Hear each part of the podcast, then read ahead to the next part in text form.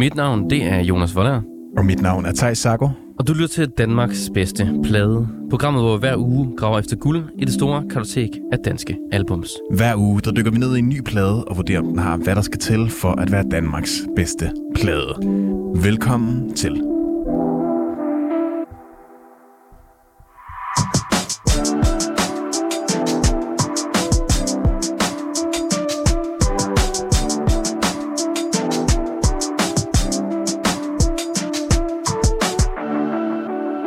Velkommen til derude.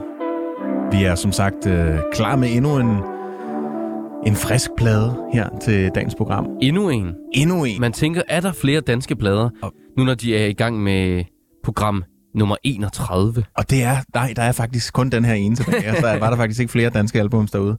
Og det er jo, det er jo øh, en evig jagt, kan man sige, fordi der er jo så sindssygt meget øh, musik generelt, men også rigtig meget god musik øh, fra Danmark og, og fra danske artister. Så det er, jo, det er jo også en fryd at blive ved med at kunne lave det her koncept, fordi at øh, diversiteten jo også bare er kæmpe, kæmpe stor. Jamen også, at der bare bliver ved med at dukke plader op, som bare er fucking gode. Ja. Altså, det er jo sindssygt. Og det, det skal vi også til i dag. Vi skal høre endnu en plade, og det er en plade, som jeg har haft fornøjelsen af at tage med. Ja, Vi har jo øh, så vidt muligt øh, gæster med i, i, øh, i de her programmer, men øh, nogle gange så er det altså bare mig og Jonas. Ja. Og så skiftes vi altså til at tage plader med. ja og der får man jo også chancen for at tage en plade med, som man selv har meget nært. Præcis. Så nogle gange så bliver det øh, også, vi gemmer måske også lidt de helt store kanoner til vores gæster, for det synes vi er lidt sjovere. Så bliver det sådan lidt mere, det er selvfølgelig stadig gode plader. Er du sindssyg, den du har med i dag? Thomas? Jamen altså, altså det, er- det, er, det er mit S i ærmet på en eller anden måde. Jeg kunne også selv have taget den her plade med i dag. Ja, ja, ja. Men altså, det, det var mig, der tog den. Det var dig, der tog den. Jeg er ked af, at jeg ikke selv tog den med. Og øh, det er en plade, som jeg har virkelig, virkelig haft tæt inde på livet, faktisk. Øh, ej, det kom til at lyde meget alvorligt. Jeg har bare hørt den rigtig meget. Øhm, Men til sidst i programmet, Thijs, ja. skal vi finde ud af, hvordan den her plade placerer sig på vores savnomspundne top 5. om den placerer sig. Ja, og om den gør, ja. Jeg har en, en god mavefornemmelse ved Det har jeg også. Ja. Og øh, for ikke at trække spændingen længere ud, så skal vi jo øh, dykke ned i Agnes Opels første plade, der hedder Phil Harmonics fra 2010. Og det er altså den plade, jeg har taget med i dag. Og øh, jeg glæder mig bare til, at vi skal høre den.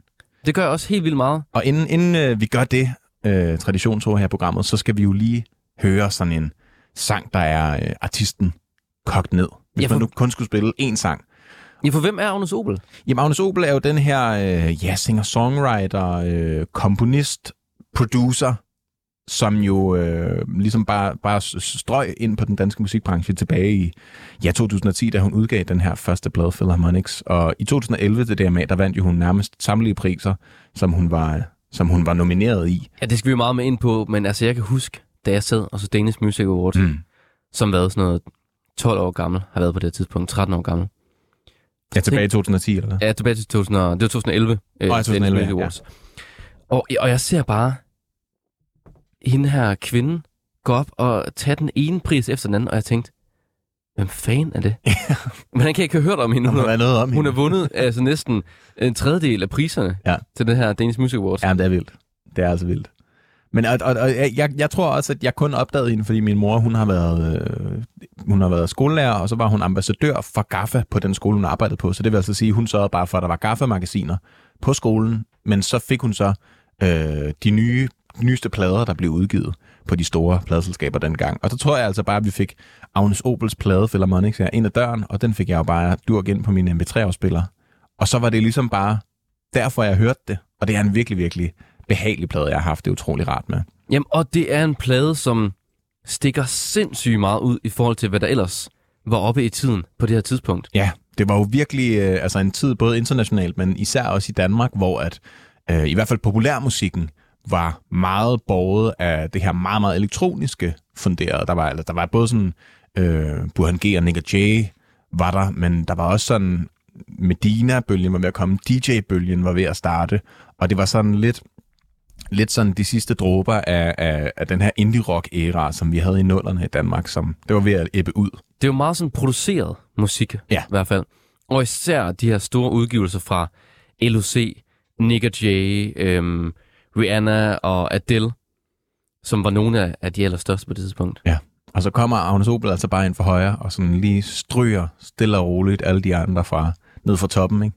Jeg synes, det er magisk. Og det skal vi jo øh, snakke meget mere om, når vi hører øh, sangene på pladen. Er du sindssygt, vi skal snakke meget mere om det? Men nu synes jeg, vi skal høre en, øh, en sang, som ligesom er artisten kogt ind. Og jeg vil jo egentlig have valgt... Den er, den er svær. Den er meget svær, Magnus Ole, fordi jeg vil jo egentlig have valgt en anden sang, som jeg synes mere er, er, er sådan den ene sang, man bruger for at beskrive hende. Men den er jo på pladen, og derfor så kunne jeg ikke tage den med. Så jeg har valgt en anden sang, som også er rigtig stor, fra en af hendes, øh, en af hendes nyere øh, plader. Og øh, jeg synes også, at den, den viser ret, ret godt øh, hende som sangskriver og som producer. Den er sådan lidt mere produceret end, end de sange, der er på Philharmonics, men jeg synes at alligevel stadig, at man, man, man ligesom kan forstå hendes stil. Og den er fra øh, Citizen of Glass fra 2016, og den hedder Familiar. Jeg synes bare, vi skal... Jeg har aldrig hørt den før. Nej, men den er, den er skide god. Du får lov. Det er jo bare under Sobel allerede nu, ikke? Ja, det er bare dejligt.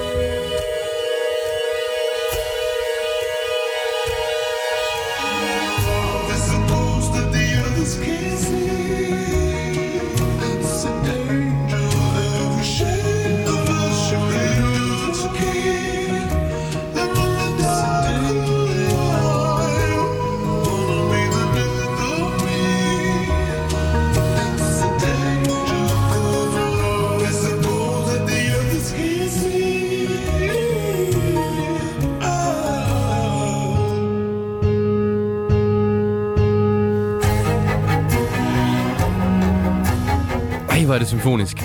Virkelig øh, dramatisk også på rigtig mange måder, ikke? Samtidig med også, hun bruger den her vokal, der er tunet ned.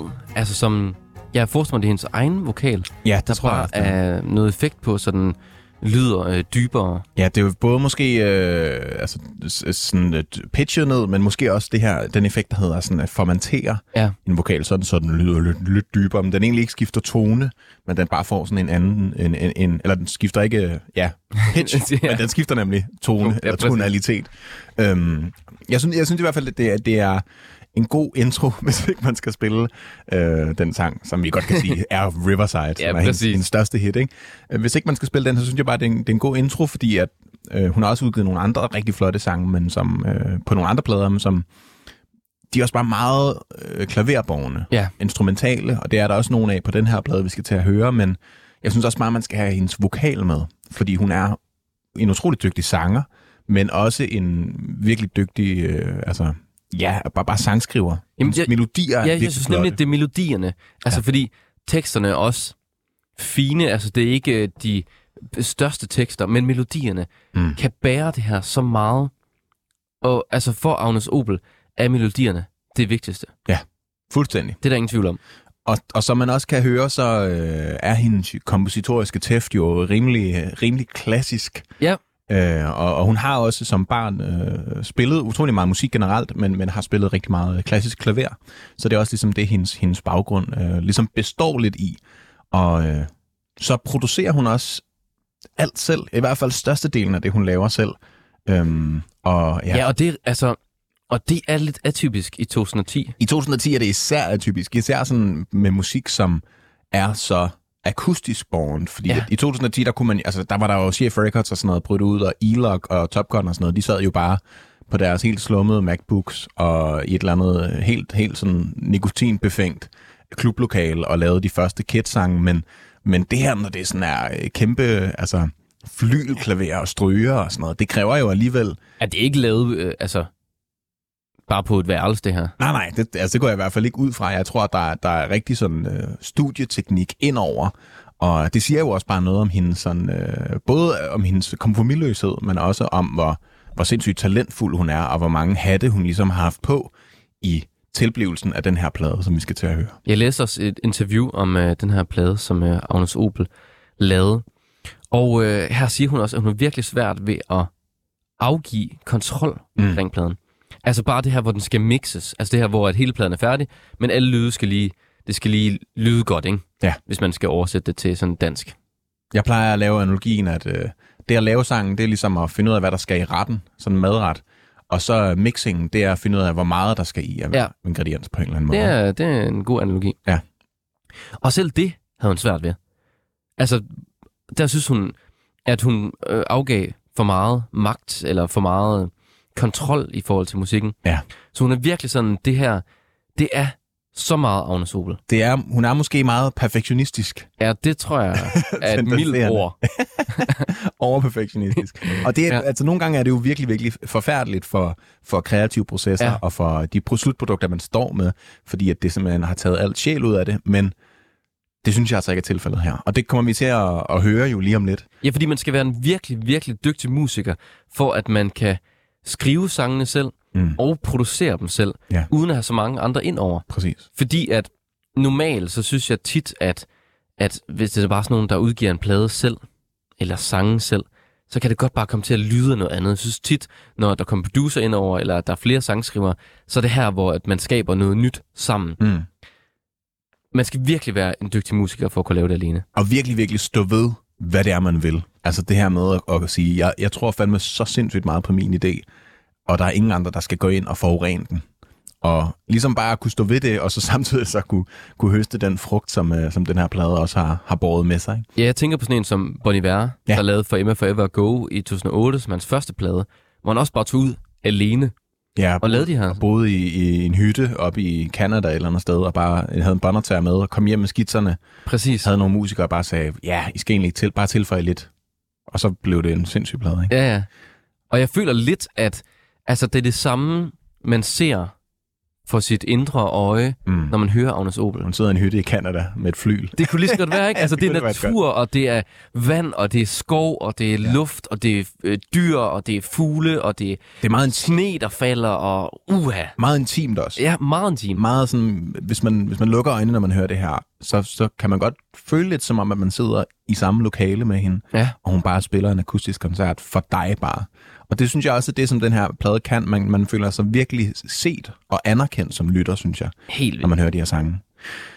Men vi skal jo snart øh, virkelig i gang med det her musik. Vi kan ikke bare blive ved med at rose det. Vi skal se. Vi er også meget begejstrede. Ja, vi er meget, vi er meget begejstrede i dag, og det er, jo, det er jo kun godt, kan man sige. Nu må vi se, om, om folk derude måske er forhåbentlig er de enige, fordi jeg synes i hvert fald... Jamen også, at det kan en godt være, at når vi så hører pladen hele vejen igennem, at vi så synes, at... at Ja, det er måske ikke holdt i længden. det ved vi ikke. Det må vi se. Men inden vi, øh, vi når så langt, så skal vi jo lige se på, øh, på pladecover. Ja, Det kræver det jo for, at det kan være Danmarks bedste plade, så skal det jo også have et cover af en vis kvalitet, og øh, det her cover er jo, er jo meget klassisk på en eller anden måde. Øh, det er jo, det er jo øh, simpelthen et portræt, eller altså et billede. inden vi gik ind, Thijs, der sagde du lidt, at hun kunne godt ligne en bibliotekar. Det kunne hun godt lidt. Hun, altså, det er billedet af Agnes Obel, der har sådan en, en lidt, øh, jeg ved ikke engang, den er, den er ikke strikket, den, er, øh, den har sådan lidt et, et, et farverigt mønster, er den en, skjorte, hun en, en fed skjorte. fed skjorte. Øh, og så har hun håret sat op, og så har hun sådan en meget stift blik mm. ind i Mm. kameraet, med sådan en øh, sådan grå, øh, brunlig baggrund. Samtidig med, at det ligner lidt, at det er sådan et, der er lagt noget effekt over, så det bliver mere grynet, og så det ligner sådan et billede, der nærmest er malet. Ja, det ligner et maleri, fordi der er nemlig lagt sådan nogle bitte små revner og krakeleringer i, i, i det, der så vil være malingen ind over hendes ansigt blandt andet. Og sådan noget. Så det er meget subtilt, ser lidt klassisk ud. Samtidig med, at, hun har det her meget intense blik, som du også nævnte i kameraet, Hun ser meget seriøs ud. og er, må jeg sige, enormt smuk, og Ja. ja. hendes øjne, altså som, altså sådan, altså Man bliver draget. draget sindssygt meget. Det Altså, man. Jeg kan huske, dengang jeg så det cover her, jeg blev draget sygt meget af det, altså helt vildt. Og så er der også, det ved jeg ikke, hvor jeg har fra, men der er sådan lidt noget, noget uleagtigt over det. Og det vil jeg så ikke lige. Ja, Nej. jeg kan godt se det lidt måske. Nej, det, men, det blikket. men måske det også sammen med musikken, den her, øh, den her visdom, Ja. den her, Ja, det er som at, om, at hun ser noget andet og ser noget mere end, og hører noget mere end resten af de mennesker, der Ja, befinder sig hun på ved noget, vi ikke ved. Præcis. Og det finder vi ud af, når man hører pladen. Ja. Og det synes jeg altså bare, vi skal gå i gang med. Den første sang, den hedder Falling Catching. Ja, altså, ej. Så er vi i gang.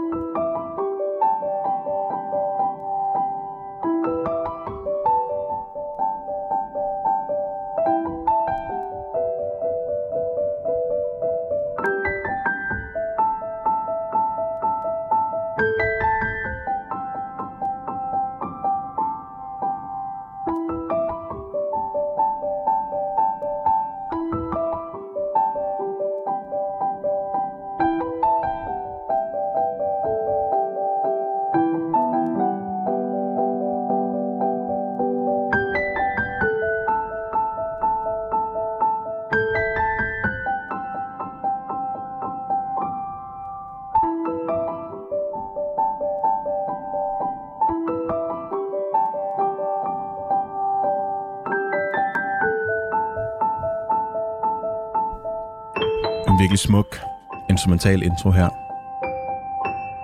Ja, Hun er jo bare... og det er så nøgen, det her. Ja. Det er bare klaveret. Der er ikke noget rumklang på, der er ikke noget øh, delay, noget ekko på. Det er ikke komprimeret særlig meget. Det lyder bare, som om man sidder i stuen med hende, ikke? Og hun sidder bare lige og plinger det der af foran en. Sådan lige inden, der er risotto på bordet, Agnes. Ja, men jeg skal lige... Jeg, jeg har det lidt øh, på samme måde, som øh, da jeg gik på højskole, og Mm. mm. nogen på højskolen lige skulle spille noget for mig. Ja. Lige inden. Spillede de så godt? Nej, det gjorde de ikke. Men, men, men, men, det, men, det, men det er samme lyd af et klaver i et rum. Og man kan høre rummet, altså man kan nærmest også høre hende, hvordan hun sådan Ja, lige skrætter sidder, med stolen. sidder, sidder og... på stolen og ja. bruger pedalerne. Og, Ja, det er en fantastisk flot sang, og det viser også bare virkelig hendes altså, øh, virtuositet øh, inden for klaverspil. Hun er jo en, en gudsbenået øh, pianist.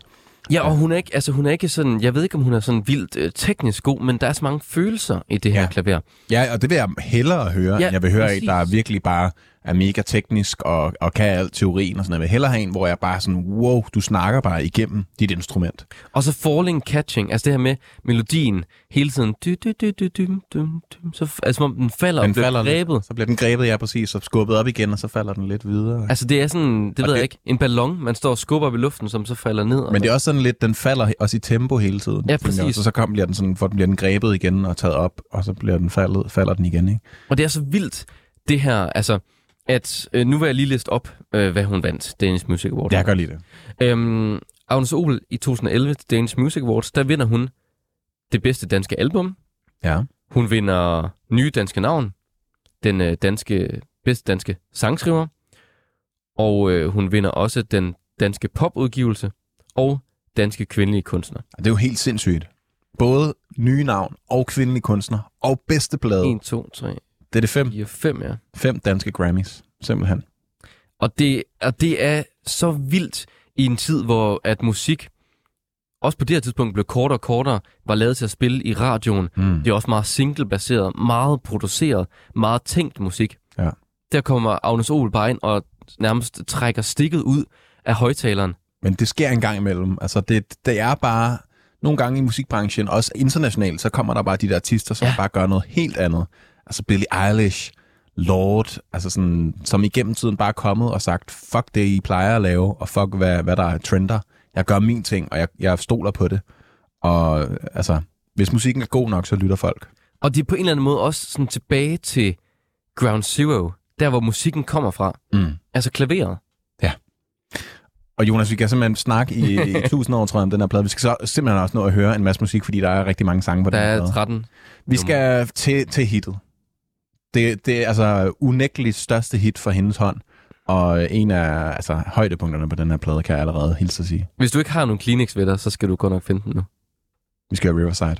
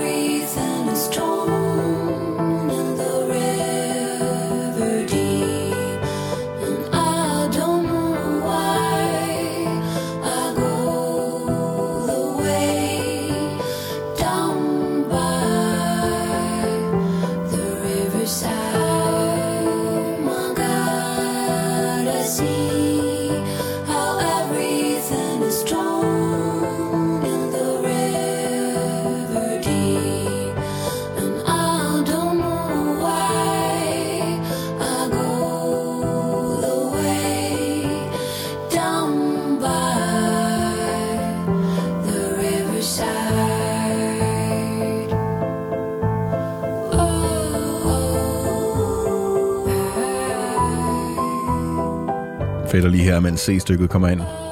Vi har tit snakket om øh, renhed, Thijs, i det program. Ja, den gode sang og ture skære ind til benet.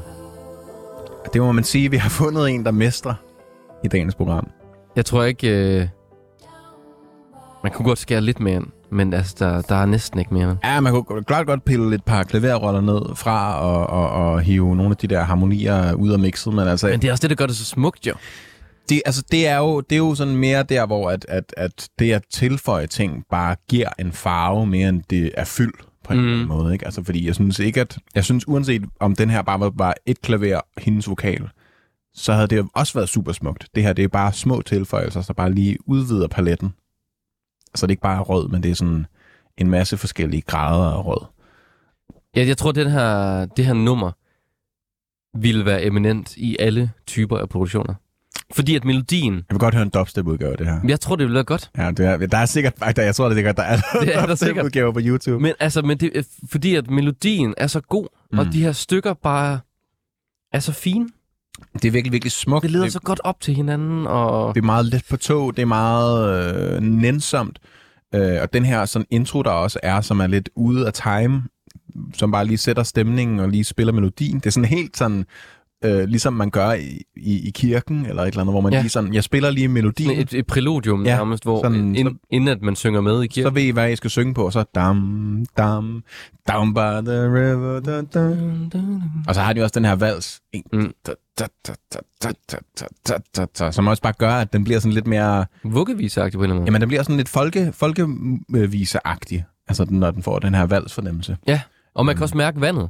Ja. Altså, det er sådan... Det, det, det flyder meget, ikke? det vipper sådan lidt. Dun, dun, dun, dun, dun, dun. Man sejler ned igennem den her Og så hold kæft, det er en flot sang. river. Ja. Og øh, jeg kunne øh, altså, tilføje rigtig mange flere øh, flotte tillægsord til den, og det, det tror jeg, vi kommer til at gøre senere, når vi snakker om hele pladen, men Men jeg synes også, det er svært at sige så meget om det nummer her, fordi at det er bare jamen, så vi skal, Måske... måske, et godt nummer. Altså, det er bare... vi skal måske bare komme videre teksten, fordi vi er simpelthen allerede bagud. ja, men det er vi. Jeg synes bare, vi skal høre næste sang. Den hedder Brother Sparrow. Tænk, vi kan snakke så meget om det, Ja, øh, når det er sådan meget instrumentalt. Og dejligt altså.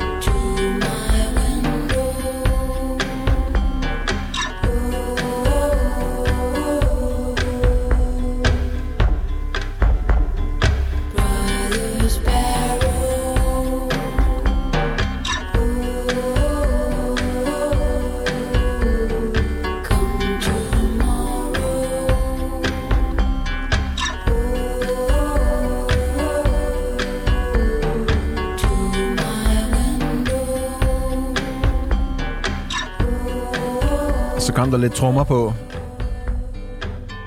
Det tre, der. tre sange inde i pladen. Altså, det er jo en plade, der arbejder rigtig meget med dy- dynamik.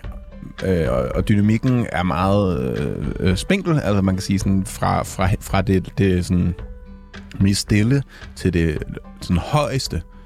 Øh, er der jo ikke sådan så stort et spænd i forhold til så mange andre øh, sange, især på den her tid. Altså sådan noget Nick og Jake, eller et eller andet, som jo bare, der er omkvæden er holo enorme, Ja. store og brede, og 15 øh, instrumenter på en gang og sådan noget. Ikke? Og her, det er bare så sindssygt simpelt, så Og- nedbarberet. Og jeg synes, den her guitar, den klæder det her univers så pænt. Mm. Det er virkelig en, en sådan øh, smuk duet, at den bliver præsenteret her på tredje nummer. Ja. Også at man ligesom får modspillet, fordi at en guitar er, er meget modspillet til klaveret, men sådan i den akustiske verden. Ja, på nogle punkter, altså man kan sige, det er jo begge to strenge instrumenter. Ja, de bliver spillet på den samme måde, men, men at hvor at, at, at gitaren der, det er sådan lidt mere, især den her guitar, som er en western guitar, Mm. får sådan lidt hårde udtryk med det bløde klaver. Man kunne selvfølgelig også godt have taget en, en nylon guitar, en blød nylon guitar og sådan lidt mere hårdt klaver. Men jeg synes, de komplementerer hinanden enormt godt. Og så mens vi har lyttet til nummeret, Thijs fundet ud af, hvorfor at jeg tænkte en ule. Og det er åbenbart, at der er et udvidet øh, coverbillede af den her, hvor der er en ule på. Og hvor der er en ule på. Ja, eller måske det er i hvert fald, der er, nogen har lagt nogle billeder op på Pinterest og sådan noget med nogle uler, og jeg kan se det. Okay. Det er der, jeg har set det. Det jeg emmer, bare lige det emmer bare ule. Ja. Ja. Altså, Jeg synes bare, at den her sang, den er virkelig, virkelig smuk, og jeg, jeg er meget enig i det der med guitarens rolle, og også bare er virkelig, virkelig fed. Øhm, Også bare, den holder bare pulsen hele tiden, ikke? ja, altså jeg, jeg får sådan lidt igen, altså noget, det er jo så før Bon Iver virkelig sådan brød igennem øh, det her, eller måske nogenlunde samtidig, at det, 2008 lavede han uh, For Emma Forever Go, og Bon Iver, Bon Iver, tror jeg var 2010 eller sådan noget. Ja, ja. Så, men det var ikke sådan blevet så stort i Danmark på det her tidspunkt. Nej. Øhm, men jeg får også sådan lidt Blackbird Mm. vibes, altså, øh, hvad hedder det, The Beatles, ikke? Paul McCartney især. Og sådan også lidt hans sangskrivning. Måske ikke så meget melodien, men mere sådan med, med den akustiske guitar og den sådan rolle, den har i, i produktionen. Men tænk også, hvor meget tid de der mellemspil får. Mm. Jamen, det er jo, og det er jo stykker i sig selv. Altså, det er jo, det jo er jo det. så klassisk øh, sådan opstillet på en eller anden måde formen, men det klassiske er, der møder poppen. Og så at, at omkvædet kommer først til sidst, hvor der så kommer trommer på. Ikke? Bliver bare holdt hen hele vejen. Og vi snakker jo tit om trætrinsraketten, Thijs. Ja, i det her program. Og det, må- altså, det synes jeg virkelig, der er her. Man kan sige, måske sige, Falling and Catching er måske mere sådan en intro, end det er en reel sang. Men jeg synes, den sender den godt op. Ja, det altså, synes jeg den, også. den, den leder os enormt godt ind i universet, og starter bare helt stille, kun med et klaver.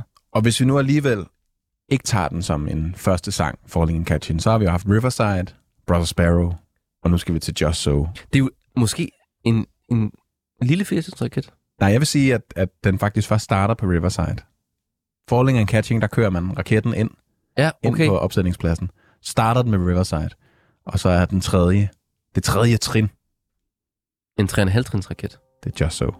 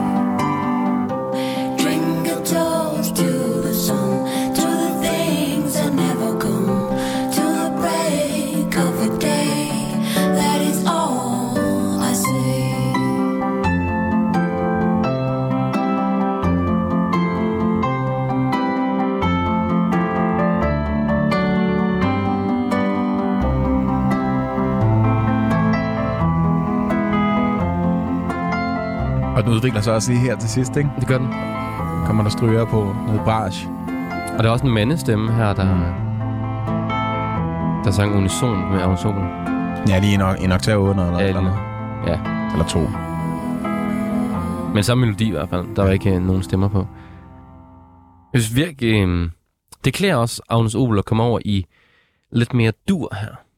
Ja. Og sådan lidt mere, øh, den er lidt mere let, den her. Den er ikke lige så tung. Den er sådan lidt falling and catching, bare med som sang. Ja. Måde, ikke? Og så er det, altså, øh, man må sige, hvis vi, hvis vi ikke tager falling and catching med, som jo bare er virkelig smukt instrumental klaver, som der er også, der kommer nogle flere øh, instrumental interludium, kan man måske kalde dem, Ja. øh, for at bare holde det i, i den klassiske øh, lingo. Det er jo lige vores boldgade, ikke? Det er jeg jo, jeg, vi er meget, meget klassisk funderet her i programmet. Vi har virkelig mange øh, danske klassiske komponister med indtil videre. Nej, men øhm, så må man sige, at, at Riverside og Brother Sparrow og Just So er jo virkelig, virkelig smukke på hver deres måde, men, men tre meget forskellige sange. Øhm, altså Riverside, der er meget mørk og meget klaverbaseret, så Brother Sparrow, der har det her, det her guitarborgen, Mm-hmm. Og så Just So, som vi lige har hørt, der er meget altså harpe-baseret, og også har en synth, eller sådan i hvert fald noget, der ikke er et instrument, øh, altså akustisk instrument, Ja. der kommer ind og har, har sådan en mellemmelodi. Øhm, og så er det også sådan lidt middel, eller der er sådan lidt middelalderstemning. Ja, og det er den der dum, bum, bum, bum. Ja, så blum, blum, Ja. blum, blum, blum, blum. Det er sådan lidt som, at man, Harpen siger også hele tiden dun, dun. man spiller til et hof, eller et eller andet Ja. sådan, så, så skal vi fandme spise. og, den, og den bliver sådan lidt, øh, lidt let i det. Men øh, jeg læste, et, øh, læste nogle citater fra Agnes Obel, hvor hun fortæller om, at hendes far var meget deprimeret, og at det kunne være svært for ham bare at komme ud af sengen. Mm. Og så prøvede, prøvede hun at skrive en sang fra hans perspektiv. Ja. Og det kan man jo godt altså, forestille sig, når man hører teksten. Ikke? ja, Today is gonna be the day you hear somebody say, we need you wide awake. præcis. Den er altså... Det er virkelig smukt. Altså, jeg, jeg synes også, at hendes tekster er, er flotte. Mm. Jeg tror måske, altså jeg har, jeg har det jo sådan meget med tekster, at jeg lægger kun mærke til dem, hvis de er rigtig gode eller rigtig dårlige. Øh, hvis de bare er fine og gode og passer til sangen, så, så hører jeg dem nærmest ikke. Fordi så, er- så, så, så er det bare melodien og musikken, jeg lægger mærke til. Hvis ikke de sådan stikker ud. Jeg føler heller ikke, det er det vigtige her. Nej, det føler jeg heller ikke. Jeg tror aldrig måske rigtig, jeg har tænkt over teksten så meget på nogle af sangene egentlig. Øh, altså ikke andet end et par sætninger hister her på Riverside eller Brother Sparrow eller sådan noget. Men musikken siger så meget mere, ja. end teksten gør. jeg føler meget mere baseret på, hvad jeg hører end, altså af, af, af musik, end jeg gør af, hvad jeg kunne læse af ord. Også bare når, at produktionen bliver skrællet så meget ned, Mm. at man kan høre, hvordan samspillet er mellem instrumenterne, og altså, de giver, og, altså, call, response, de svarer og spørger, og Mm. er samspil hele tiden, og de udvikler sig sammen, og det er... Ja, det er meget sådan kontrapunktisk også med nogle ja. Af de her øh, melodier, der ligesom også har nogle, nogle sådan, øh, altså melodiske mod, øh, modstødende, eller hvad fanden man siger. Ja, De kører i hvert fald mod hinanden, nogle sådan kontramelodier og sådan noget, ikke? Som jo også bare viser hendes, hendes sådan, øh, harmoniske og igen kompositoriske flair. Altså hun er virkelig bare, virkelig bare dygtig til at skrive. ja og man skal, altså, man skal ikke undervurdere, hvor svært det er ikke at fylde mere på det her musik. Man kunne sagtens have fyldt alt muligt på, ikke? Altså, det, det, vil, det vil så mange musikere gøre. bare det der med, at, der, at hun har haft trommer med på pladen, indikerer jo, at det er ikke fordi, at, at det bare skal være sådan helt, øh, øh, hvad det, percussion-frit, øh, eller sådan transient-frit. Men hun vælger alligevel kun at have trommer på sidste del af tredje sang. Ja. Og altså sådan, det, det er ret sparsomligt. Det er ret, det, det, altså det er ikke fordi, hun, hun bare sådan øsler afsted med de, med de virkemidler, hun har. De skal passe ind, før de kommer med. Ja, hun er virkelig sikker i sin sag. Ja. Det er hun. hun. Det er ikke bare sådan tilfældighederne. Jeg tror hun også, hun kunne jeg forestille mig, har prøvet en masse ting af. Det tror jeg også. Men jeg, jeg, jeg er også virkelig, virkelig, synes, det er virkelig sejt, når hun bare har landet på noget, hun synes, der fungerer. Så don't fuck with it. Men jeg tror også, der er mange sangskrivere, der kunne lære noget af at bare lade sangen stå Ja, ja, for sig selv. Ja, ja, ja. Altså mega meget. Og øve sig på at skrive sange, det er jo tit, hvis man... Og det er ikke for at nævne navne, og ja, vi laver begge to musik under, så vi gør det begge to selv, men når man ligesom måske ikke er blevet så god til at skrive sange endnu, Ja, så, så man alle mulige ting på. så kompenserer man ved, at skal den lige have nogle harmonier, og så skal den lige være lidt større i omkvædet, og så skal den lige have sådan lidt en cool lyd, eller sådan, fordi at sangen skal man måske distraheres lidt fra, eller, eller man skal give den noget edge på en anden måde, sådan, så den er cool mere end den er god. Ikke? Det handler om at skrive en sang, der kan stå selv, når skribenten er gået under bordet. Ikke? Ja, Som lige, Claus Hempler. lige at tage, Claus Hempler med i det her afsnit også. Men ja, altså det, øh, jeg synes bare, det, det er mega velfungerende. Helt vildt. Jeg har bare lyst til at høre mere. Og det skal vi, Thijs. Ja, heldigvis. Det er jo det er gode ved det her program. Der er meget, meget mere. Og vi skal høre... Og vi har kommet med femte nummer. Ja, men det er helt vildt. Vi skal høre Beast.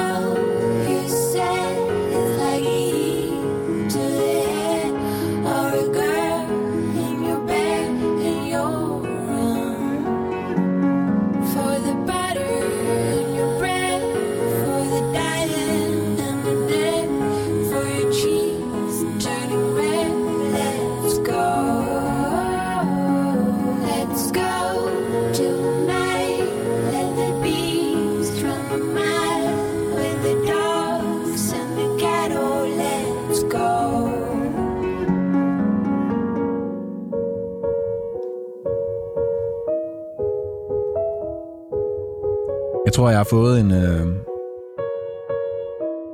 en Agnes Opel mavebooster. Det tror jeg, jeg har. Altså, jeg, jeg, det er meget få plader, hvor jeg bare sådan jeg kan blive sådan helt mundlam. Jeg bare sådan falder til ro. Ja, Jeg bliver bare så overvældet af, hvor simpelt det lyder. Altså, hvor, hvor, hvor, hvor super komplekst det er.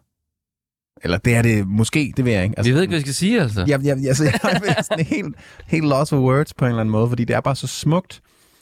Det er så inderligt. Jeg synes, der er så meget i hendes... Altså, kontrasten imellem de her, igen, sådan meget harpeagtige lyde og, og øh, hastighed, der er. Der er meget, der er meget sådan swung over det, ikke? Altså, mm. nogle hurtige melodier, men den måde, hendes dybe vokal, som har emmer så meget af melankoli, ligesom bare svæver hen over det. Dum, bum, bum, dum, dum, Og så hvordan hele, altså hvordan alle instrumenter bare bygger op Ja, ja, og Altså- de der stryger, der kommer ind til sidst. Du, du, du, du, Der er, der er så meget sådan fornemmelse af, hvordan man bruger et instrument ordentligt. Ja. Altså, hvordan man kan spille fint på det, og bygge det op, og sådan, som man jo, altså, ikke får det bedre ved at man hører symfonisk musik. Altså, det er, det er så smagfuldt, og det er også så levende. Altså, det er virkelig bare sådan folk, der, der igen... Altså, det lyder bare som om, at det er instrumenterne, der er, der er mennesker, Mm. mm. og det er instrumenterne, der bare synger til en. Så sådan godt spiller det sammen, synes jeg. Ja, og det er nemlig heller ikke overdramatisk. Nej. Sådan har det nogle gange, når jeg øh, hører klassisk musik, Mm. man hører DR's øh, symfoniorkester eller andet symfoniorkester, så kan det nogle gange godt blive meget dramatisk. Altså, det er helt ude i den. Ja, ja. Men jeg synes, hun, hun gør det så fint her. Altså, der, der udspiller sig et, et, et fint drama i det nummer her også. Altså, samtidig med hele tiden, at den er harpe. Dum, dum, dum, dum, Ja, præcis. Som ligesom har letheden over sig, ikke? Mm. Uanset hvor, hvor, sådan, øh, hvor, hvor, hvor dynamisk højt det bliver i omkvædet og sådan noget, ikke? Og så kunne det sagtens være en uh, arpeggiator på en synthesizer-billede her. Du, du, du, du, du, du. Ja, snilt, snilt, snilt, ikke? Altså, og det er det der med, at jeg tror, man kan tage de her sange og proppe dem ind, altså spille dem på mange instrumenter, Mm. i mange produktioner. Men det tror jeg også, man kan med meget klassisk musik generelt, ikke? Jo, det tror jeg Det er også. jo bare, er, klassisk er jo bare gode melodier, og skal have gode, gode sådan, øh, hvad hedder det nu, øh, akkordprogressionsforløb, Ja, nemlig. for at kunne fungere ordentligt, ikke? Men tænk, at hun vandt den bedste popudgivelse. Ja, det synes jeg også er vildt. Altså, fordi det er jo popmusik. Altså, Riverside er jo en kæmpe popsang, men, Ja. men altså, det er fandme også alt muligt andet. Og især 2010, det er weird, det her. Altså, der er også meget Enya over det. Ja, og meget en, øh, en, en øh, måske lidt, øh, lidt utippet øh, øh, hvad hedder det nu, kunstner, som jeg har opdaget i sidste år, der hedder øh, Joanne Newsom, som har en plade, der hedder Wise Y, YS hedder den. Og sådan nogle rigtig lange, jeg tror, der er fem sange på. Og nu, en af sangene var 16 minutter, og hun synger, og det er også sådan meget øh, til tider middelalderagtigt og dramatisk, og hun synger også lidt som Bjørk, øh, som, som øh, Ensemble også gør nogle gange meget, meget, meget, meget sådan indpakket bjørk, ikke? men der er stadig nogle facetter af noget, af noget skingerhed. Hendes vokal er sådan en blanding af Mø, Bjørk og Oland på en eller anden måde. Ja, det er faktisk den, Og det er sjovt, at den kan indeholde alle tre ting. den gyldne kombination. ja. Jamen, det er virkelig smukt. Kan det blive med at blive godt, Thijs? Det synes jeg, det kan. Og øh, vi kan lige nå at høre en sang mere, end det er nyheder. Ja. Og det er endnu en af de her små interludier. Den hedder Loretta.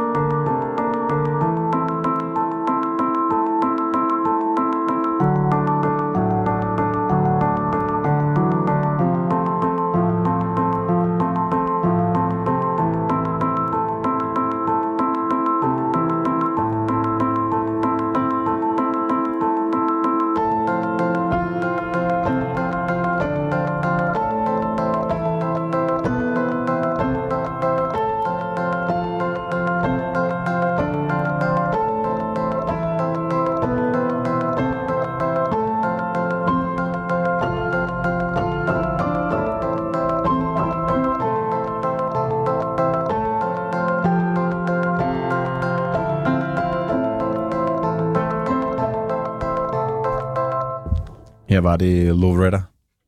Og øh, jamen, det er jo sådan en, en, en Rhodes, eller sådan et eller andet øh, e-piano her, øh, med noget delay på. Og det er ligesom første gang, som du også øh, øh, sagde, mens vi hørte den, Jonas, der ligesom er, er et, et ikke sådan så tydeligt akustisk instrument, der er i forgrunden. Ikke? Det er ikke klaveret, der ligesom bærer den fra starten af i hvert fald. Det kommer ind senere.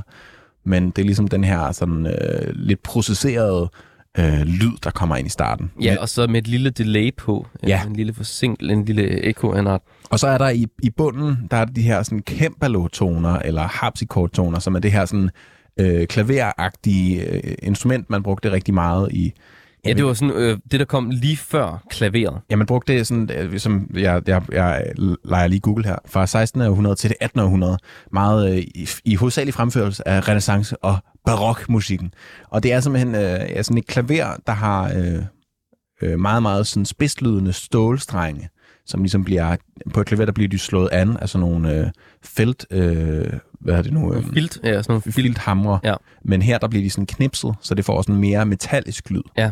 Øh, Og det, det her minder mig lidt om, øhm, jeg er heller ikke så, altså så øh, velbevandret i den klassiske musikhistorie, men jeg ved, at øh, Bach han øh, skrev et stykke til det tempererede klaver, fra den gang, hvor at man, før det, man havde det tempererede klaver, som det klaver, vi kender i dag, der havde man ligesom færre toner på Mm. klaveret, fordi at man ikke, øh, man ikke, altså alt var ligesom rent stemt. Længere historie. Men det lyder bare sådan, som hyldest til musik, det her. Ja, og bare sådan en ren, ren hyldest, altså kærlighed til bare det at spille en tone efter en anden, eller Ja. to toner samtidig. Altså sådan, jeg føler bare, der er så meget intuition og legesyghed og, og sådan nysgerrighed i det her musik. Og så mange følelser. Altså jeg føler nærmest, at, at altså selv de her sange, hvor der ikke er tekst på, der bliver man bare så ramt og så rørt, og det får en til at føle virkelig, virkelig mange ting. Det vækker i hvert fald rigtig mange ting ind i mig. Jeg synes, vi skal give os i kast med næste sang på pladen, der Skal vi? hedder Avenue.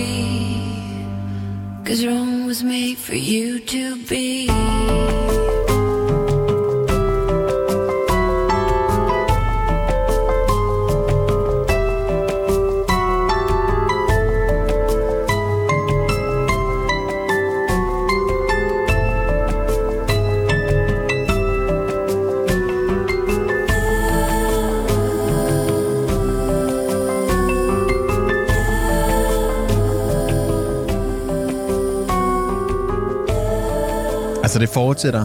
Det er klart mere... Øh, Det er mere dystert. ja, men også lidt, De har hal- halvtonetrin på øh, det her e-piano.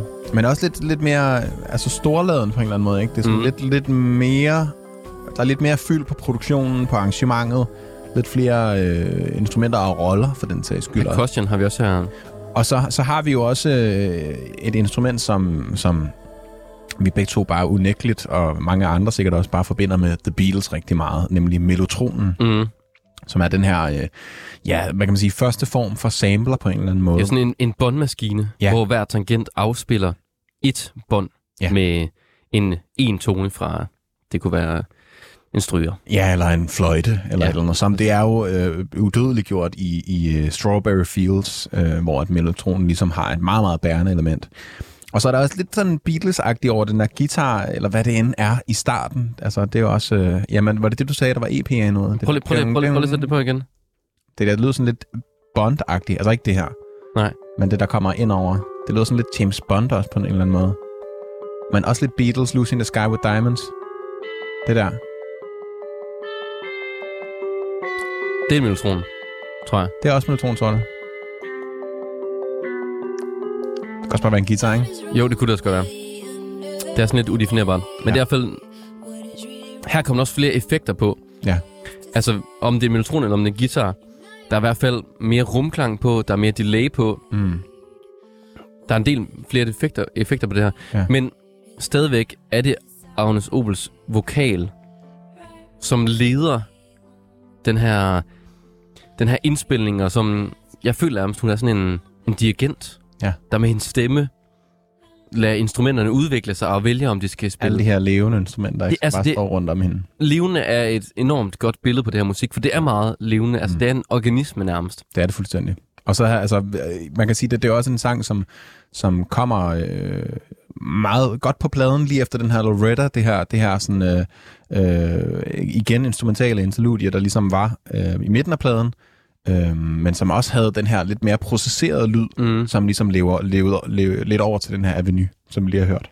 Jeg synes, det er en meget fin overgang, og det er et, øhm, endnu et virkelig flot nummer. Ja, virkelig, virkelig. Altså, det er, der er overflod af, af, af, af sådan smuk, smukke ting på den her plade, vil jeg sige. Det er vildt, der ikke er noget, der stikker mere ud. Det må vi se. Vi har stadig nogle sange tilbage. Ja. Næste sang, det er øh, selve titlen på pladen. Det er Philharmonics. Kom her.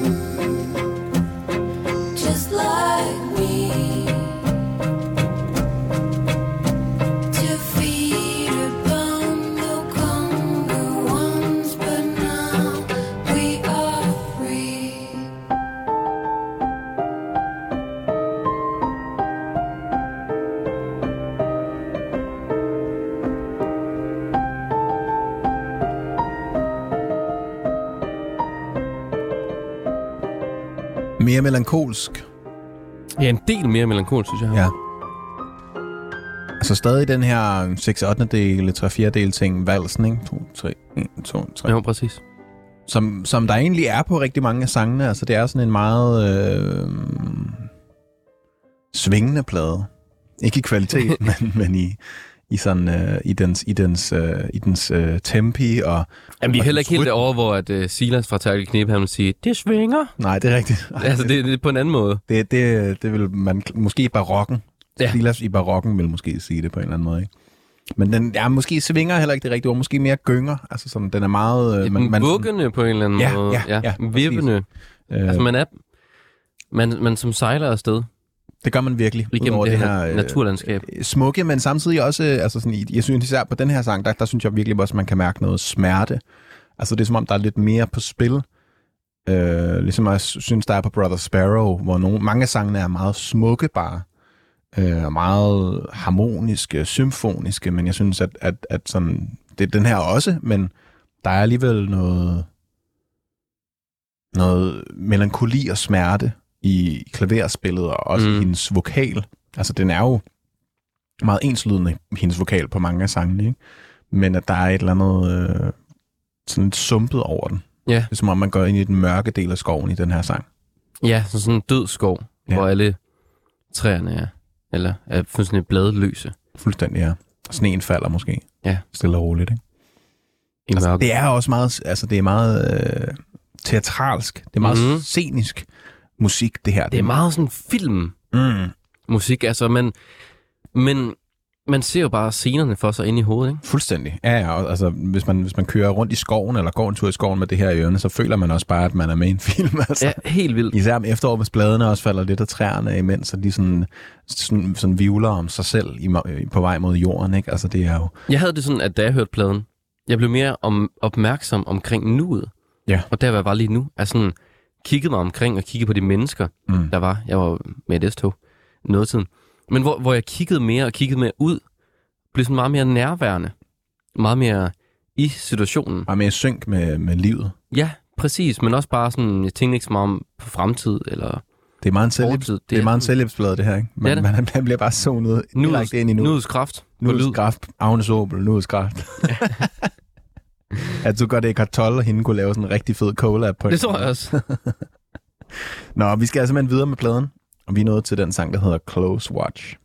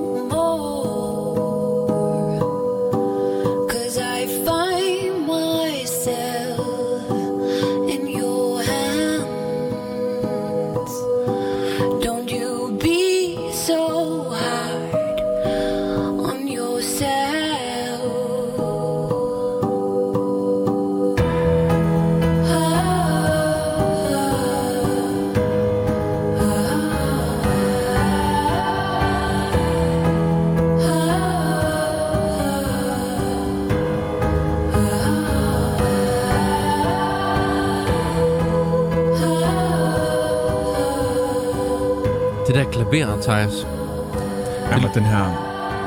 det lyder som om, at det er sådan viser mm. på et ur, der siger tik tak.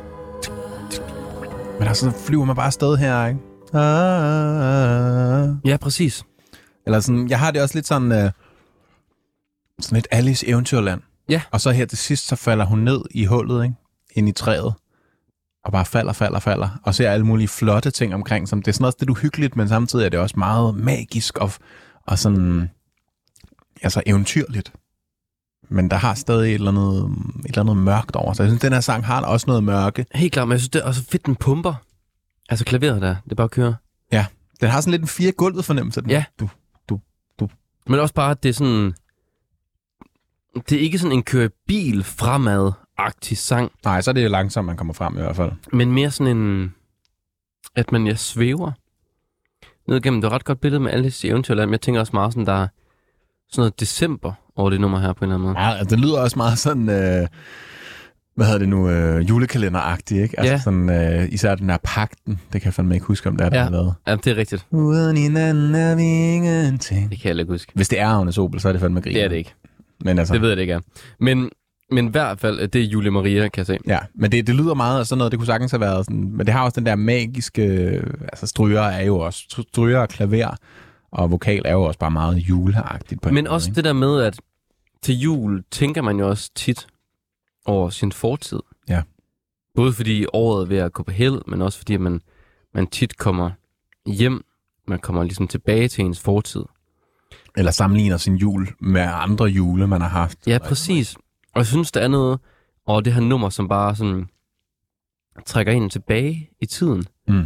Det er som om, det er sådan, at man skruer på sådan en knap, og så kan man bare se sådan fortiden Det er meget tidslom, ja. flyve afsted.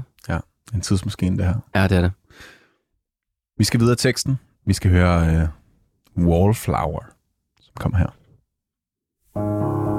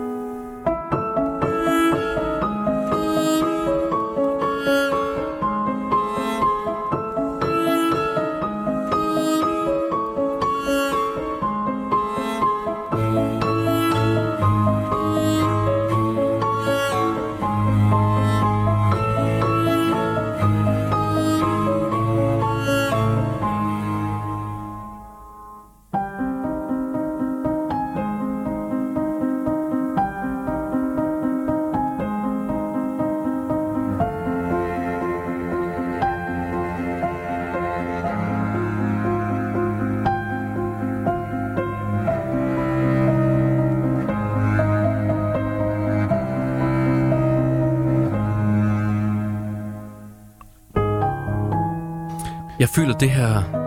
Igen, så er det på en eller anden måde sådan tilbage i tiden, men det er sådan et år Mm. på lyd. Jeg det her med, at den starter måske om vinteren, og så kommer varmen ligesom. Ja, men jeg synes ikke rigtig, varme kommer. Jeg synes, Jo, det er meget... Jeg synes, de der stryger der, der var noget varme der. Øh, øh, jeg synes, det er meget ildevarslende nummer. Det er meget uhyggeligt. Også især i det her til sidst. Men stykke var- bum, bum. Et stykke varme kom. Ej. Ej. Der var lidt, var lidt du over det, i stedet en sang. Ja, jamen, jeg, jamen, jeg synes ikke, at det var sådan varme. Jeg synes mere, det var sådan den der, øh, at det var sådan en eller anden øh, spinkel håbløshed midt i mørket.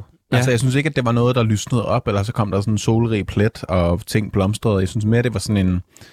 Altså, det, det var sådan et, et, en, en, de små, fine ting, der, der stadig var der, de, de faldt ligesom hen, og kunne ikke overleve, fordi den her mørke, der var i celloen, eller kontrabassen, eller hvad end det var, Ja. ligesom var det her, det her mørke stryger øh, instrument, at det ligesom, det fyldte så meget. Og det også kom igen her til sidst, mm. ikke? at det ligesom startede og sluttede den på en eller anden måde. Og jeg synes, det er meget øh, fint forløb, det her nummer. Virkelig flot. Skifter igen, altså, øh, jeg ved faktisk ikke, om, det, om det, han, hun sådan har skiftet så meget i taktarter før. Jo, på et tidspunkt der skifter hun også mellem, øhm, øh, hvad hedder det, tre fjerdedel og øh, seks ottendel. Ja, men det er ikke sådan, altså, det er jo, altså, det er jo bare sådan et, et, et takt, kan man sige, ikke? Altså, men, men det er ikke så meget en, en, en tidsændring i det, kan man sige. Nej, Altså, nej, i seks sådan i- og i- tre- i- Sådan i tempi? Nej, eller ja, fordi man kan altså, det er jo samme som at sige fire fjerdedel eller to fjerdedel. Altså, sådan, det har stadig den samme øh, hvad? Jo, det er mere må, følelse, måden, ikke? måden, den skiftede på. Ja. At den så skiftede stykke, ikke? Jo, præcis. Men, men, men hvor her, der er det jo sådan, den går i fire fjerdedel, og så skifter den over til seks Mhm. mm. del. Så den har sådan et, et, et tydeligt øh, tempo-skifte, eller takt. Jeg ved ikke engang, hvad man kalder det. Ja, taktindelingsskifte. Men det er også meget, øh, det er meget historiefortællende, det her nummer. Meget illustrativt igen. Altså, hun er virkelig, virkelig god til at, at komponere generelt. Altså, jeg tror sagtens, jeg vil bare kunne høre en, en, øh, altså en klassisk koncert med hendes Mm. med hendes øh, stykker. Det tror jeg øh, vil være virkelig, virkelig flot. Altså også bare med sangene, så i stedet for, at det er hendes vokal, så bare med instrumenter, der spiller vokalen. Det vil være sindssygt flot. Ja. Man kan godt høre den her med et eller andet stort symfoniorkester. Det er symfoniorkester, altså. Ja. Få det til at ske. Ja. Please. Hun har nok gjort det. Ja, sikkert. Vi skal til næste sang på pladen, der hedder Over the Hill.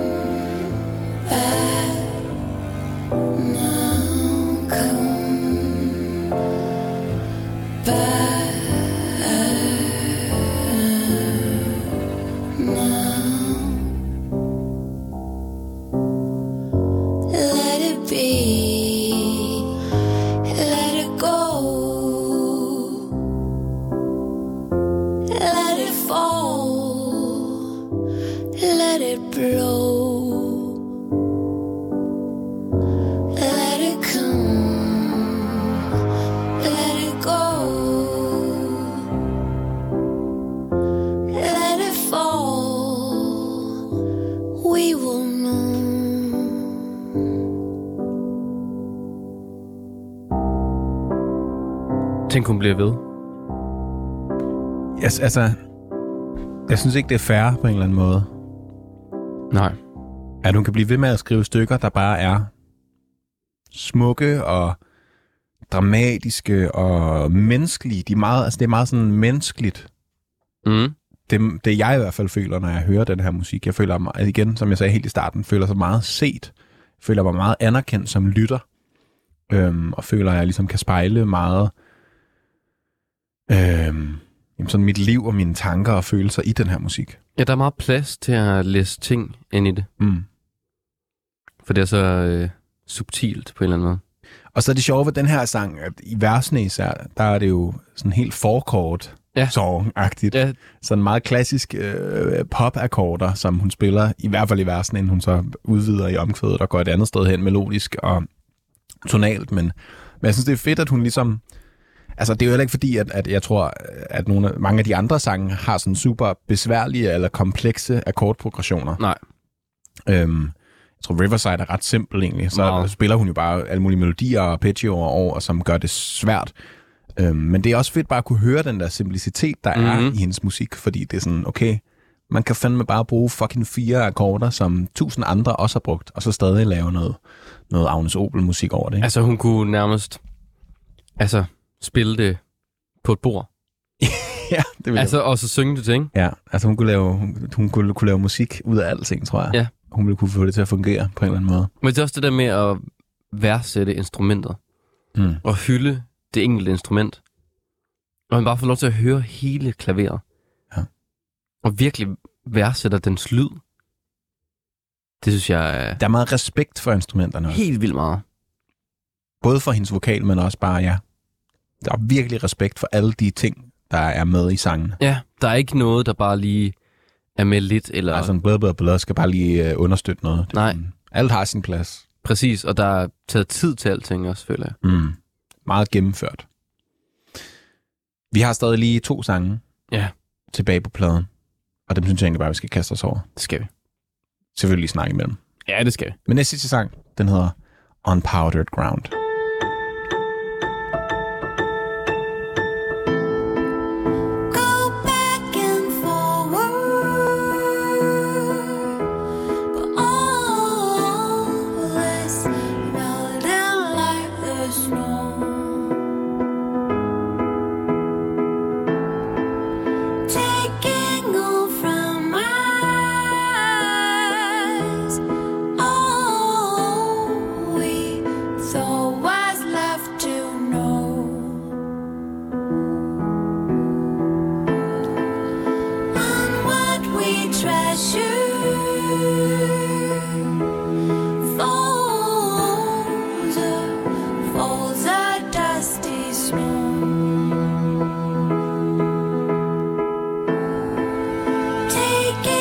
turns backward.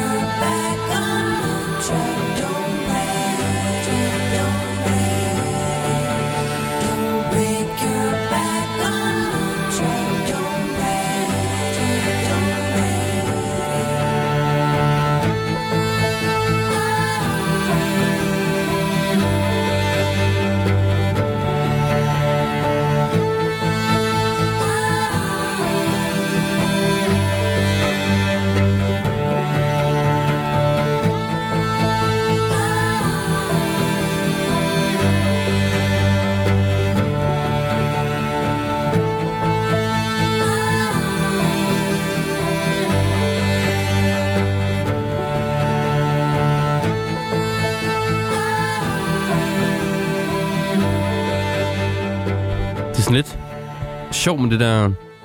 Hun synger Don't break your back on the track. Altså det er meget sådan... Det er første gang, hun gentager en sætning så mange gange. Ja, også sådan på, på en meget rytmisk... Mm. Don't break your back on... Altså sådan... Det er første gang, hendes vokal sådan rigtig blev rytmisk, ja. Det er meget poppet i hvert fald. Mm. Og selvfølgelig er den også meget, meget rytmisk i, i en sang som ja, Riverside, ikke? Men, men, Jo, men det er mere Men- melodien, der men- fylder. ja, men den er også stadig sådan, den har stadig meget sådan flydende forløb, hvor her ja. der er meget sådan staccato, dan, dan, dan, dan, dan. Ja. Sådan lidt, hvis, hvis en, en, en strygergruppe havde, havde, havde gjort det, ikke? En strygertæt, Ja. havde ligesom havde haft de her staccato-anslag. Øhm, og så er det, synes jeg også, det er en mere poppet sang, det her. Ja, det er det. Øh, især de her A-vokaler, der er i slutningen, som er sådan meget Oland-agtige. Altså, jeg synes, den her sang lyder meget af Oland. Ja, det gør den. Øhm, Hvornår, og hvornår kom Oland ud med? ja, det var jeg også lige ved at tænke, om, om Oland måske, er- altså om det er sådan samtidig, om de sådan har været lidt hinandens, øh, jeg vil ikke sige konkurrenter, men, men øh, inspirationskilder måske. Hendes øh, fauna. Ja, kom ud i 8, og så kom hendes anden plade, Wishbone, i 13. Ja. Så, altså jeg er meget samtidig, Ja. må man, øh, må man jo så sige, ikke? Og lidt... Øh, Nej, der er også Oland fra 11 faktisk, ja. Det er et andet studiealbum, Ja. som var hendes sådan store, kan jeg se. Ja, det var det med alle hitsene på. Præcis. Men ja, det er rigtigt. Øh, på det her nummer, der ligger hun så lidt mere op af, altså af, af popmusikken. Øhm, men jeg synes stadigvæk, det fungerer. Altså, Ja. det synes jeg, det gør. Og jeg synes også, måske faktisk, at det er rart at få lidt afveksling. Men jeg ved ikke, hvor godt et slutnummer det er, for den- det næste nummer, vi skal høre, det er jo et bonus track, Ja, det, som man dengang kun kunne få på iTunes. Man kan præcis. der. præcis. Ja, så det, så, så det her var egentlig sådan plade afslutningen, men, men den her sidste sang, Katie Cruel, er også med på, på pladen på Spotify. Ja. Mm. Og hvis man, ja, køber en dag, kan jeg forestille mig, der bliver også udgivet nogle deluxe-udgaver med alle mulige... Men jeg tror, jeg tror ikke, at den måske, jeg tror ikke, den har været på, på CD'en. Nej. Jeg tror kun, den har været på sådan en iTunes Ja, det special. tror jeg også. Men det var også dengang, så kunne man få tingene til at vare contentmæssigt, vare længere. Ja, Ja. ja. Så kom der lige en ekstra sang og alt muligt, ikke? Men øh, måske skal vi bare lige kaste os direkte øh, hovedkuls ind i den sidste sang her. Bonus Det tracket, synes jeg. Katie Cruel.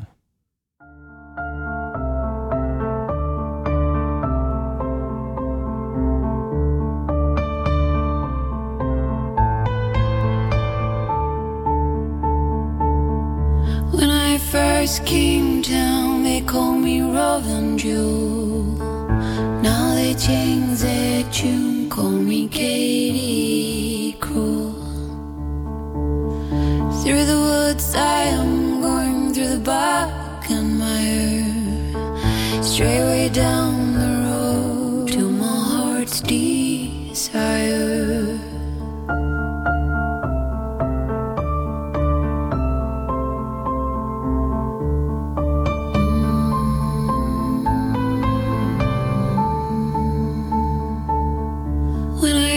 first came down, they brought me drinks of plenty. Now they changed their tune and me bottles empty.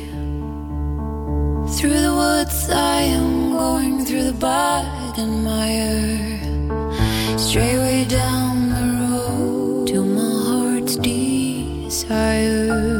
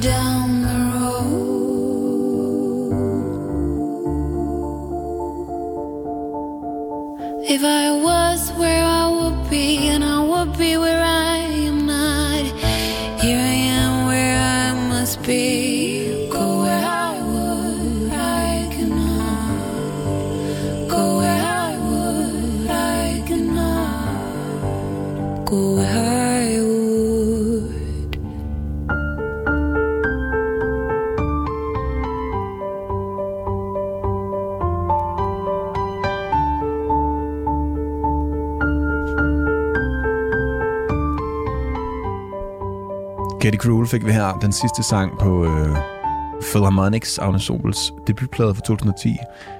Ekstra nummer godt nok, eller sådan en bonus track, kan man sige. Så det er jo øh, ikke sådan... Dengang man kunne købe det på iTunes, ikke? Ja, præcis. Og det kunne man jo dengang Ja. øh, i 2010. Og det, så, så det er måske en sådan mere uofficiel øh, afslutning på, på pladen. Men jeg tænker alligevel, den skulle med, fordi det er i den her form, man får den serveret inde på diverse streamingtjenester den dag i dag. Ja, jeg kan bedre lide den her afslutning end On Powdered Ground. Ja, det tror jeg måske egentlig også godt. Hvis den lander bedre her, pladen. Den er mere rolig her. På en Mm. eller anden måde, ikke? Og, det, og, det, og den, der er noget fint i, at den starter Mm. mm. roligt, og den ender roligt. Og det skal vi snakke meget mere om. Nu skal vi til at vende hele den her plade Philharmonics fra 2010 med Agnes Obeltheis. Ja. Og øhm, skal vi kaste os ud i det? Altså, det synes jeg. Man kan jo sige, vi har jo, vi har jo i, i hele programmet, måske er det faktisk det program i øh, Danmarks bedste plades historie, der har haft flest rosende ord. Ja. Og øh, hvor vi, jeg føler i hvert fald, at vi har brugt rigtig, rigtig meget energi. Forsøgt på at lyde sådan nogenlunde, nogenlunde kloge og komme med nogle, nogle gode beskrivelser af, hvad, hvad vi føler, musikken kan. Vi har i hvert fald, Man bliver sådan lidt mere intellektuel at høre det musik her. man prøver i hvert fald. Man prøver. prøver i hvert fald ligesom rigtig, rigtig hårdt. Øh, Jeg føler i hvert fald bare, at man kommer meget i sin, øh, i sin øh, tillægsordskasse. Altså sådan, man har virkelig, vi har virkelig kastet mange forskellige tillægsord efter de her sange. Men det er også fordi, at der er altså så øhm, få instrumenter i instrumentkassen på den, den plade her. Altså, Ja. det, der er ikke blevet, altså hvor en normal plade gætter jeg på, øh, der måske er 400 forskellige instrumenter eller lyde, og det er meget lavt sat. Men, men man kan måske samtidig sige, at, at det føler jeg ikke... Altså jeg føler alligevel, at til trods for, at den er meget, øh, hvad kan man sige, spartansk produceret, øh, nogle af sangene i hvert fald, så øh, er den, den rollefordeling, der er på sangene, og den, den sådan... Øh, struktur og arrangement, der er på de instrumenter, der så er med, er så til gengæld så øh, altså velplaceret og afbalanceret. Er også meget varierende egentlig, hvordan instrumenterne agerer. Og til tider også meget komplekst, altså Ja. ja. sådan, hvor man kunne sige, hvis man havde taget Thomas Helmis ved vej, eller Vejen Væk-plade, øh, jeg vil lige sige en Herman Bang-bog der ved Vejen, det var ikke det, jeg mente. Øh, Thomas Helmis, øh, hvad hedder det nu, Vejen Væk, hvor der er rigtig mange instrumenter, men der har de måske sådan en mere loop-baseret og kontinuerlig Mm. øh, struktur, hvilket gør, når man så også har nævnt trommerne, så gør de også bare det samme hele vejen igennem, for det meste. Ikke? Jo, det er Og- klart, men, så- men så kan det være, at måske er det også fordi, at vores ører er mere trænet til altså at lægge mærke til detaljer i popmusik. Altså sådan, at det, det har vi måske nemmere ved at snakke om. Jeg tænker, Ja. hvis vi havde nogen, der var ekspert inden for klassisk Det er det. musik, Ja. så ville de have øh, langt flere tillægsord til det her, end Og- til... Og det var også mere, det er mere for at sige det, altså, jeg tror også, at det er bare fordi, vi simpelthen ikke ved, hvad vi, vi har ikke nogen, vi har ikke nogen, jeg har i hvert fald ikke nogen klassiske referencer at kunne sige sådan noget. Det er lidt... Øh, Nej, det her er jo vores program, hvor, Mozart, der, hvor vi skal finde den bedste plade, Ja. og man laver jo ikke på den måde, altså, du, altså en, øh, en symfoni er jo ikke en plade, det er jo en symfoni. Ja, det er rigtigt nok.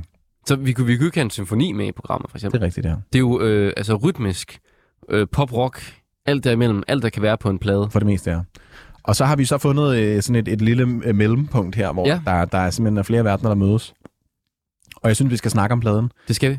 Vi skal starte på toppen. Det plejer vi at gøre. Ja, gøre Jonas, hvad var dit højdepunkt på den her plade? Jeg havde to højdepunkter. Jeg må vælge et. Øhm, øh, så vil jeg gerne høre Beast. Ja. Øhm, for jeg synes virkelig, ja. det nummer kom så meget bag på mig. Altså, hvor smukt det er, balancen mellem øh, det mørke og det lyse, og den her harpe, der ligesom bare fortryller en. Den er så eventyragtig, ikke? Ja, og så kan jeg virkelig godt lide, der er alle de her forskellige melodier, der er i den. Og den her melodi, der kommer her, den er virkelig rar. Men så har jeg også Brother Sparrow. Ja, okay. Altså, det er ligesom de to, hvor at jeg tænker, Riverside, det, er- det, det, det, det er det oplagte valg. Det er det oplagte valg. Det er den, man det goes without saying, at Riverside også bare er rigtig god, ikke? Jo, jo, det, det behøver jeg ikke nævne. Men jeg tror alligevel Beast måske... Ej, Brother Sparrow er fandme også god. Det er de to. Mm. Jeg kan ikke... Øhm, helt klart for mig er det øh, fra 1 til 5, altså track 1 til 5, der er sådan... Ja, altså der, fra der virkelig har den. Falling, Catching, Riverside, Brother Sparrow, Just So og Beast. Ja, totalt. Ja. Det er... Hvis det var en EP... Ah, er du sindssyg? Danmarks bedste EP. Ja. Sindssygt, altså. Altså, det, det er bare... Det er bare helt vildt, så, så, så gode de første fem numre er. Ja. Og det er så stærkt. Ikke fordi resten af pladen ikke er stærk, men de er bare så stærke i sig selv, Mm. de første, synes jeg. Hvad med dig, Thijs? Hvad synes du? Jamen altså, jeg, jeg er sgu meget enig. Øh, altså, jeg synes virkelig også Beast, uh, Brother Sparrow, øh, det er virkelig nogle, nogle sindssygt gode bud. Øhm, jeg synes egentlig også, at, at, øh, at Just So, den prøver jeg lige at sætte på. Altså den der øh, sang imellem de her to. Dun, dun, dun, dun, dun. Jeg synes også, den, er, den har også noget bjørk over sig. Ja. Den er, Today is gonna be the day. Ja, det er rigtigt. Altså, det er sådan meget flot, men selvfølgelig også lidt mere... Mere øh, sådan... Øh, den har sådan lidt mere, mere en, en, en rytme i sig, end nogle af de andre. Den er også meget mere øh, dur, Ja. synes jeg. Og jeg synes egentlig, det kan jeg også godt lide. Og jeg kan godt lide der, hvor den kommer med pladen. Jeg synes, det er vigtigt i pladen. Mm. Men jeg synes egentlig, at Agnes Obel er bedst i mellemspillet mellem mørket og lyset. Ja. Og jeg synes på Just So måske, at det bliver lidt for lyst. Jeg har- Ikke, altså, det er et godt nummer. Jeg har også lige et honorable mention, synes jeg, fordi jeg synes altså også, at Wallflower er virkelig flot. Ja. Enig? Altså sådan, den har bare noget kompositor, altså sådan, der er så meget fortælling i de her toner og de her akkorder. Helt vildt. Altså jeg synes bare, um, det er også bare virkelig en side af den her plade, som man ikke skal glemme, bare fordi der er Riverside og, mm-hmm. og sådan noget, ikke? Den her, ej. Jonas, vi skal hjem og høre noget klassisk musik. Ja, vi skal. Nem på det. Altså, Shit. for fanden er der ikke nogen, der introducerer os til det? Det skal, vi, det skal vi finde ud af at få gjort. Ja. Jonas, vi skal også, hvis det overhovedet er muligt, øh, kigge på, på den dårlige side, lavpunktet på den her plade. Ja, altså jeg vil måske sige overordnet, er lavpunktet lidt, at pladen er lang. Ja, på hvilken... Altså, der er mange sange, eller hvad? Fordi den er jo ikke sådan så lang. Nej, jamen, altså, måske- Den er jo ikke... øh, Vi har haft længere plader med, kan man sige. Ja, det ved jeg ikke, men måske er det, mm, at det hele godt kan sådan blive lidt det samme. Altså, at jeg synes, øh, numrene godt kan være svære at huske lidt fra hinanden, fra, øh, fra, øh, fra track, øh, Altså, du kunne jo... Du fra kunne... track 8 til ned til 11'eren måske. Ja, okay, de sidste måske... Fra, fra 8 til 11. Men det ved jeg alligevel. Jeg synes alligevel, der er ret stor forskel. Altså, Avenue Philharmonic, som var sådan lidt mere processeret, og så sådan... Ja, Altså- det er der også, men, men det er mere det der med, at vi har hørt noget lignende før. Måske. Men, jeg, men altså, jeg synes, det er svært, fordi jeg synes også, Ja. ja. at, at, at pladens opbygning er enormt smuk. Men kan du ikke lige prøve at spille lidt Philharmonics? Fordi jeg tror faktisk måske, det var der, hvor at... Ja, det ved jeg ikke. At den tabte mig lidt på en eller anden måde. Altså, det er jo ikke, fordi det er et dårligt nummer. Det er bare, hvis man holder det op imod det andet. Mm. Ja, det er måske heller ikke den, den... Altså, men samtidig så har den også bare noget melankoli over sig i omkvædet, synes jeg. Ja, det, det har den også. Men jeg kan godt forstå det, altså, fordi det er jo også sådan... jeg synes, hendes, hendes vokal fylder enormt meget det nummer her. mm. Men det er også, Får ikke lige så meget plads. også i for den, sådan, hvis vi kører Claus Hempleren, ikke? Altså med op, og jeg drømmer om en sang. Resten af sangene skulle bare holdes op imod dem, ikke? Jo, jo. Men jeg synes til gengæld, at, at, at barn er højere her. Ikke? Ja, det, altså, det er den. Og, og det er jeg klart synes et- også, at... Det er et højere bundniveau.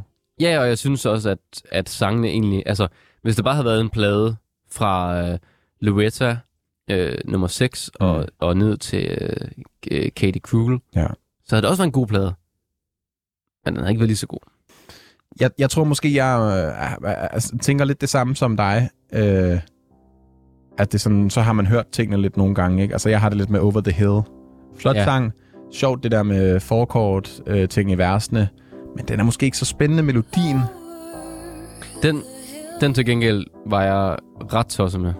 Jamen, jeg synes også, den er flot, men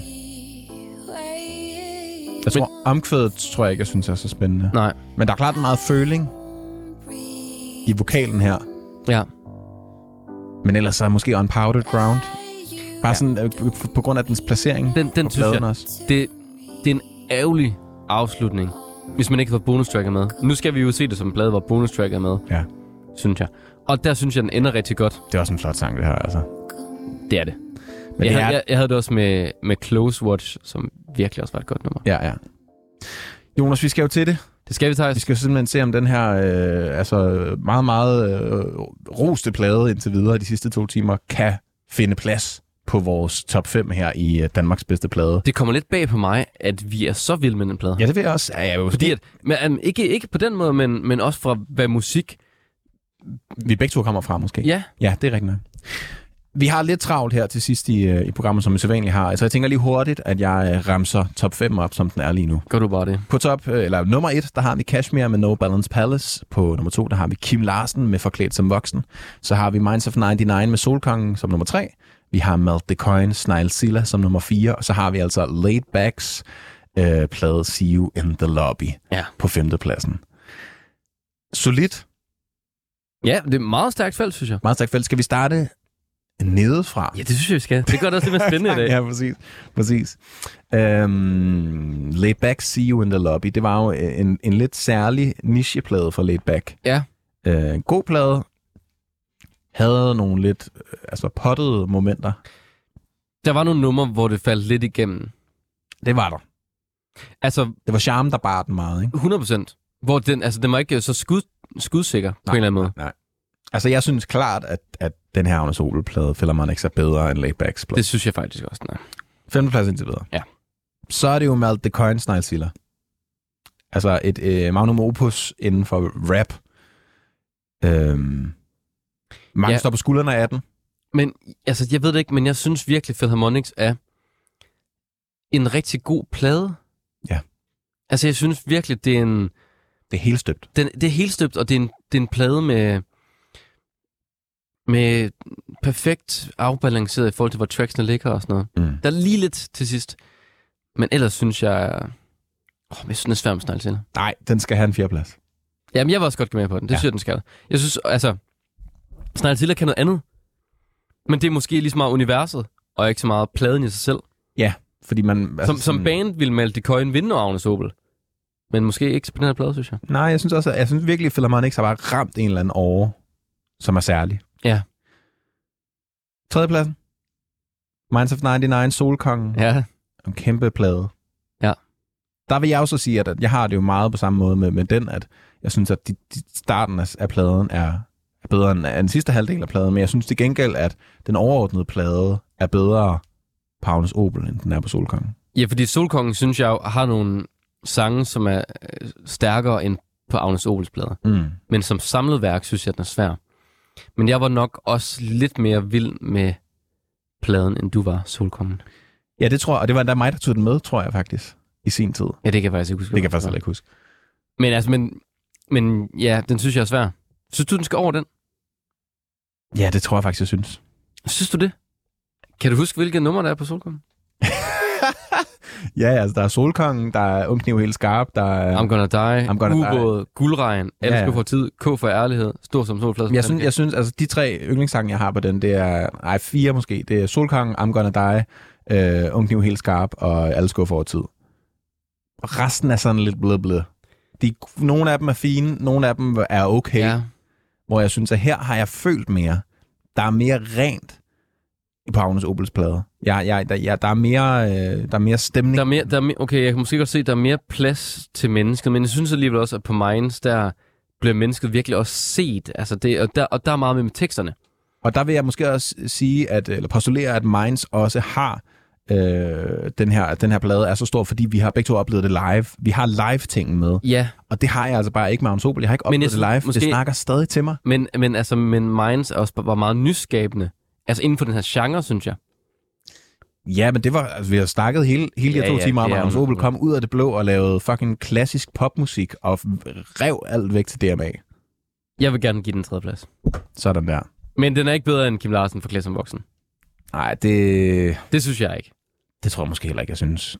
Det er også meget forskelligt, ikke? Altså, jeg synes, Jo, jo. Så, så tror jeg måske også, at den der røde tråd på Agnes Opels plade måske er lidt for gennemsyret på en eller anden måde til Ja, at, at, til at kalde Der, der kommer den ikke nok sted hen. Nej. Det var det sidste, vi nåede for dag, Thijs. Philharmonics ind på en tredje plads, det er jeg meget glad for. Ja, Vi leder er videre her også. i Danmarks bedste plade. Tusind tak, fordi I lyttede med. Vi ses.